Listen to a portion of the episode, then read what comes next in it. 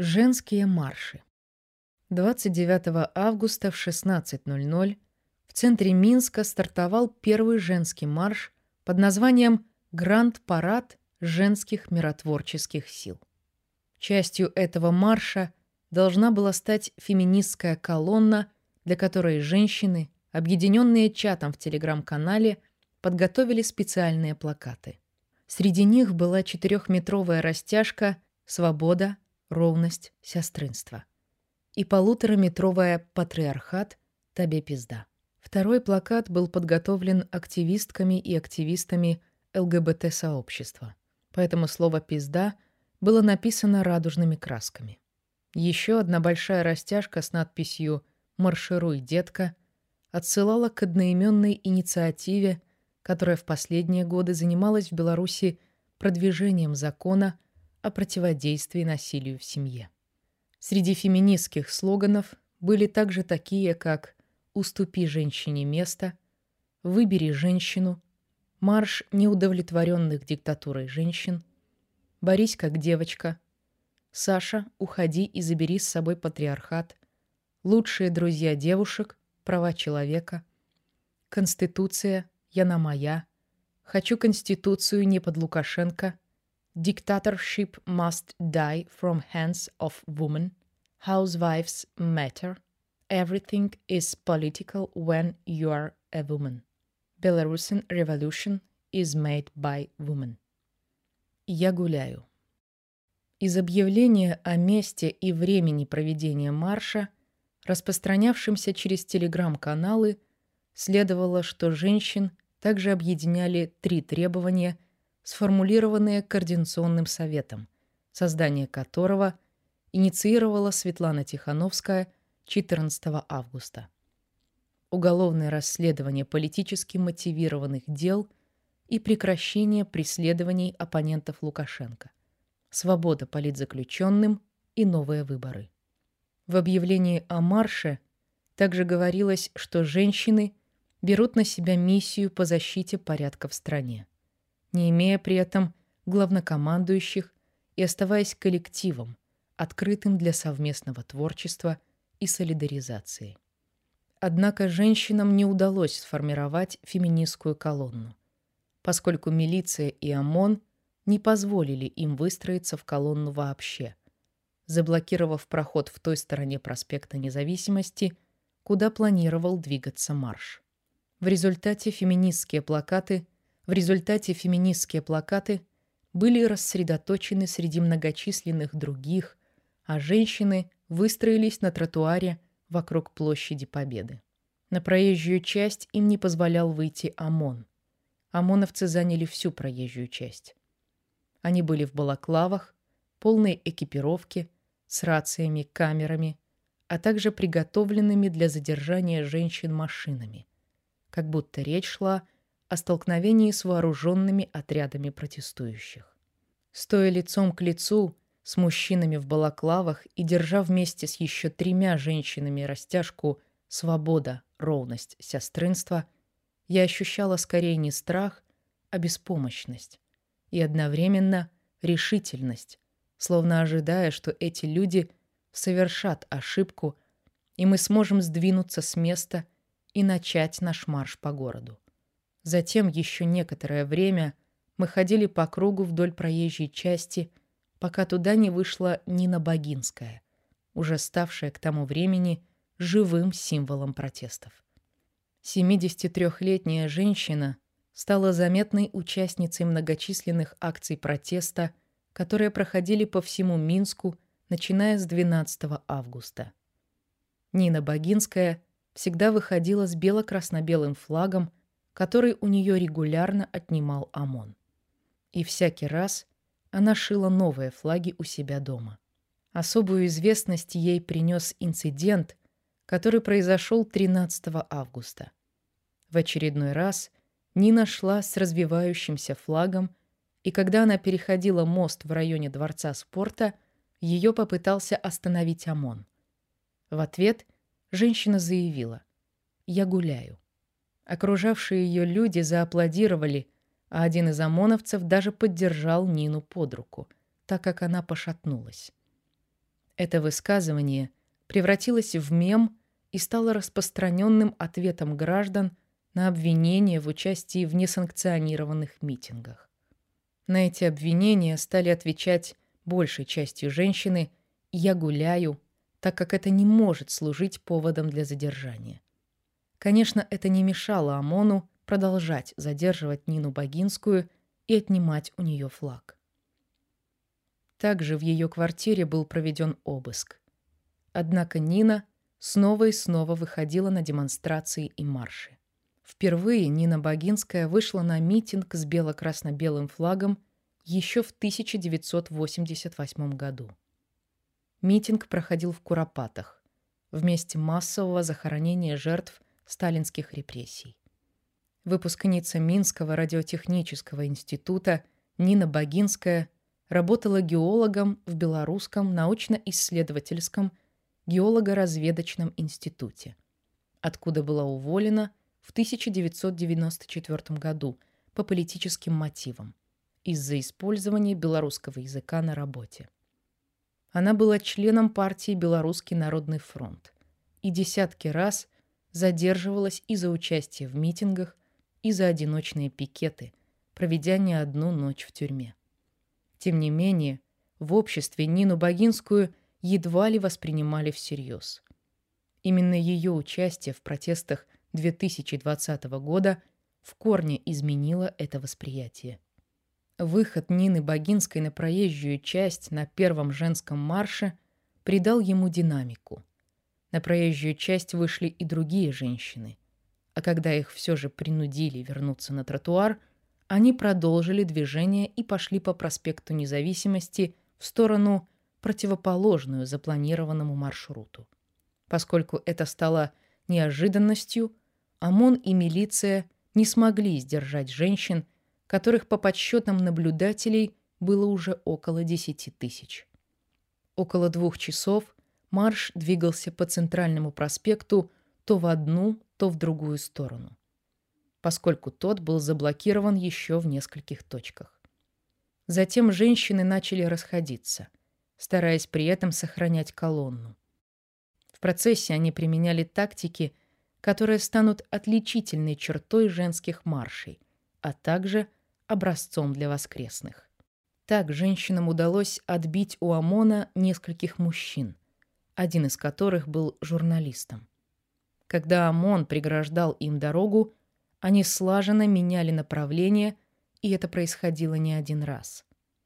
В связи с этой тактикой накануне следующего женского марша возник плакат «План движения женской колонны», состоящий из запутанных петель.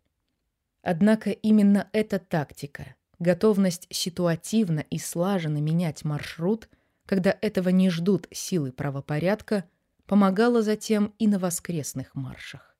Первый женский марш завершился к восьми вечера. Несколько его участниц были задержаны. Через неделю, 5 сентября, на второй женский марш вместе с феминистками открыто вышло ЛГБТ-сообщество. Ольга Горбункова, долгое время руководившая единственным в Беларуси полноценным убежищем для женщин Радислава, несла большой яркий плакат «Лесбиянки и есть народ. Мы против диктатуры». Впоследствии ее несколько раз задерживали на женских маршах. На 72 часа, поскольку она является матерью несовершеннолетнего ребенка. В интервью Гродно Life участницы ЛГБТ-колонны рассказали, что для них важным мотивом стало высказывание Марии Колесниковой о том, что женщины ей нравятся наравне с мужчинами. На вопрос журналистки «Маша, какие мужчины тебе нравятся?»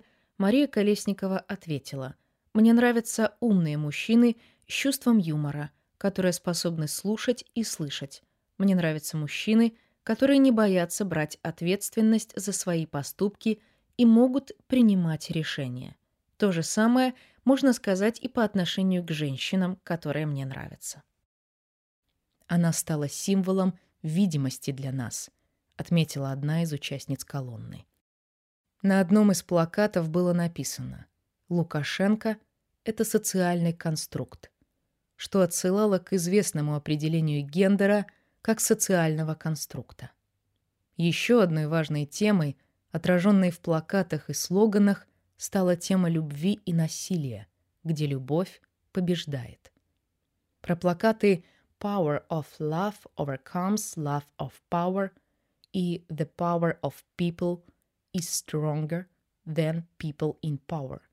Участницы марша говорили, что они отсылают к выступлениям в США в 1970-х, когда борьба новых социальных групп за свои права ознаменовала социальный прогресс для всего общества. А тема любви выражала общий дух мирной белорусской революции, так как именно она и является настоящим ответом на насилие. 6 сентября ЛГБТ-колонна стала заметным элементом воскресного марша в Минске. В самом центре города, на проспекте Независимости у ГУМа, закутанные в радужные флаги активистки устроили что-то вроде рейв-вечеринки, возле которой фотографировались проходившие мимо демонстранты. Все это происходило рядом с системой «Рубеж», выстроенными в ряд специальными автомобилями с заградительными устройствами, охраняемыми ОМОНом.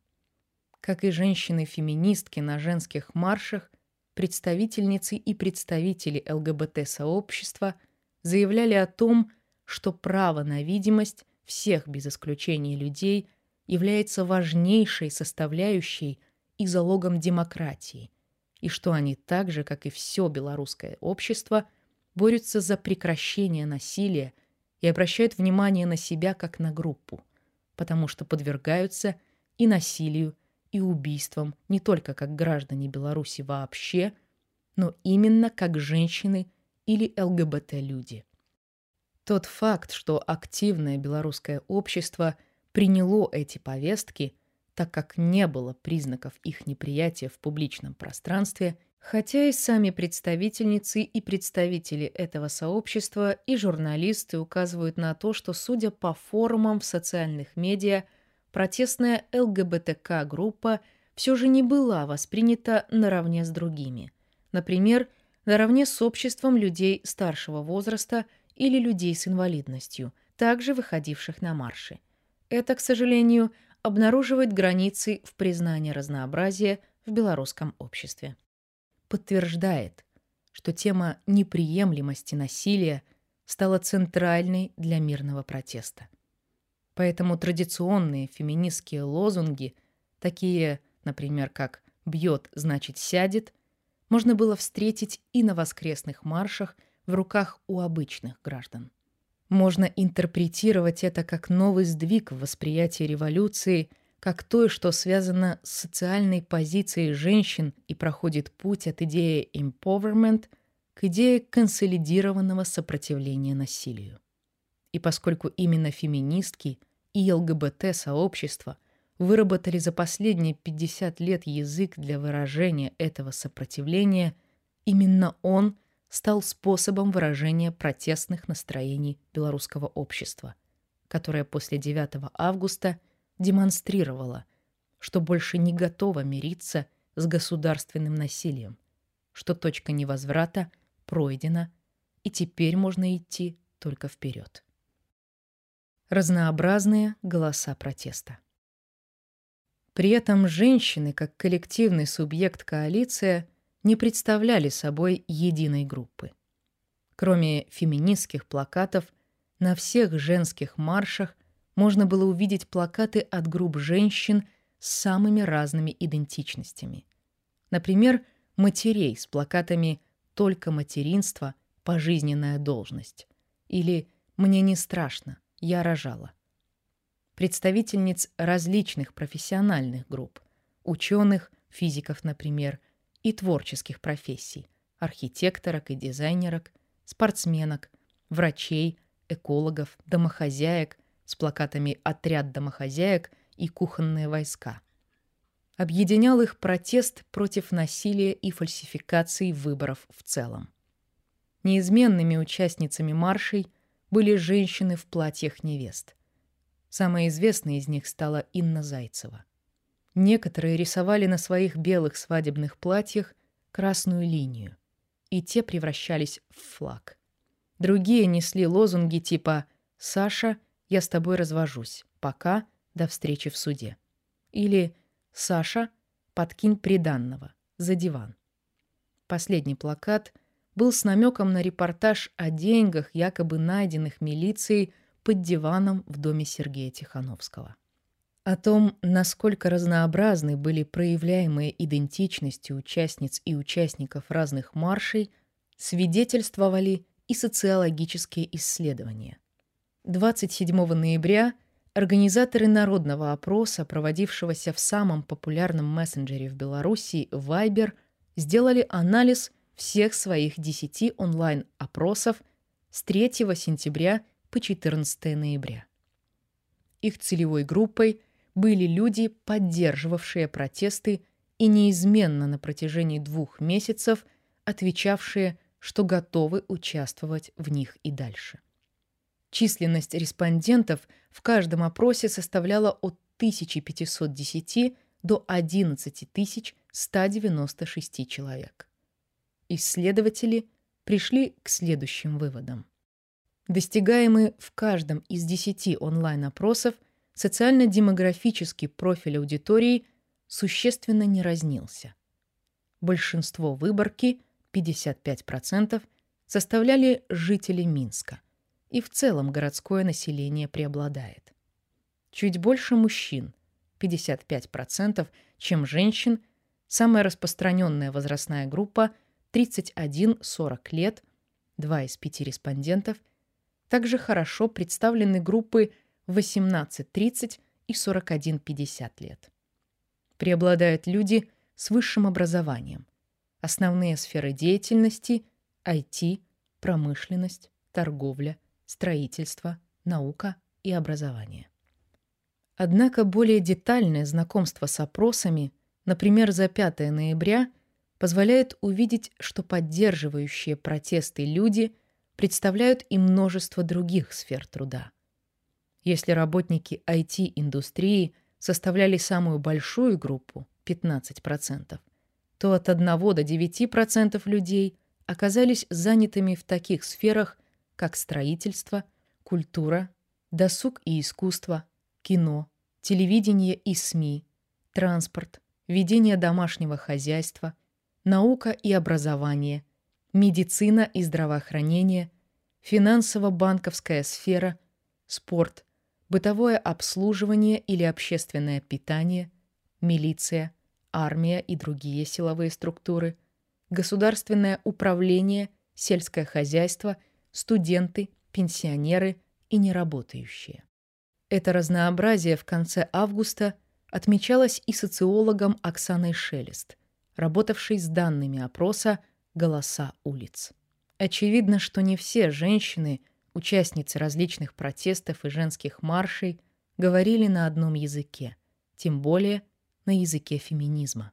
Поэтому вопрос о насилии именно в отношении женщин и о женском равноправии, с которым есть проблемы в белорусском обществе практически на всех уровнях, экономическом, политическом и символическом, находящем выражение прежде всего в распространенности сексизма, причем – в негосударственных средствах массовой информации также оставался на втором плане. Одновременно тема насилия и несогласия с ним стала центральной для всего общества, и женщины активно реагировали на нее, обнаруживая, какой потенциал заключен в их коллективных действиях, опиравшихся на эмпатию, солидаризацию и готовность к взаимопомощи, столь значимых для феминизма. События последующих дней, задержание целого ряда женщин-активисток, а затем и Марии Колесниковой покажут, что и белорусский режим воспринял это заявление женщин о себе всерьез и начал рассматривать их как новый коллективный субъект, не менее опасный для власти, чем мужской.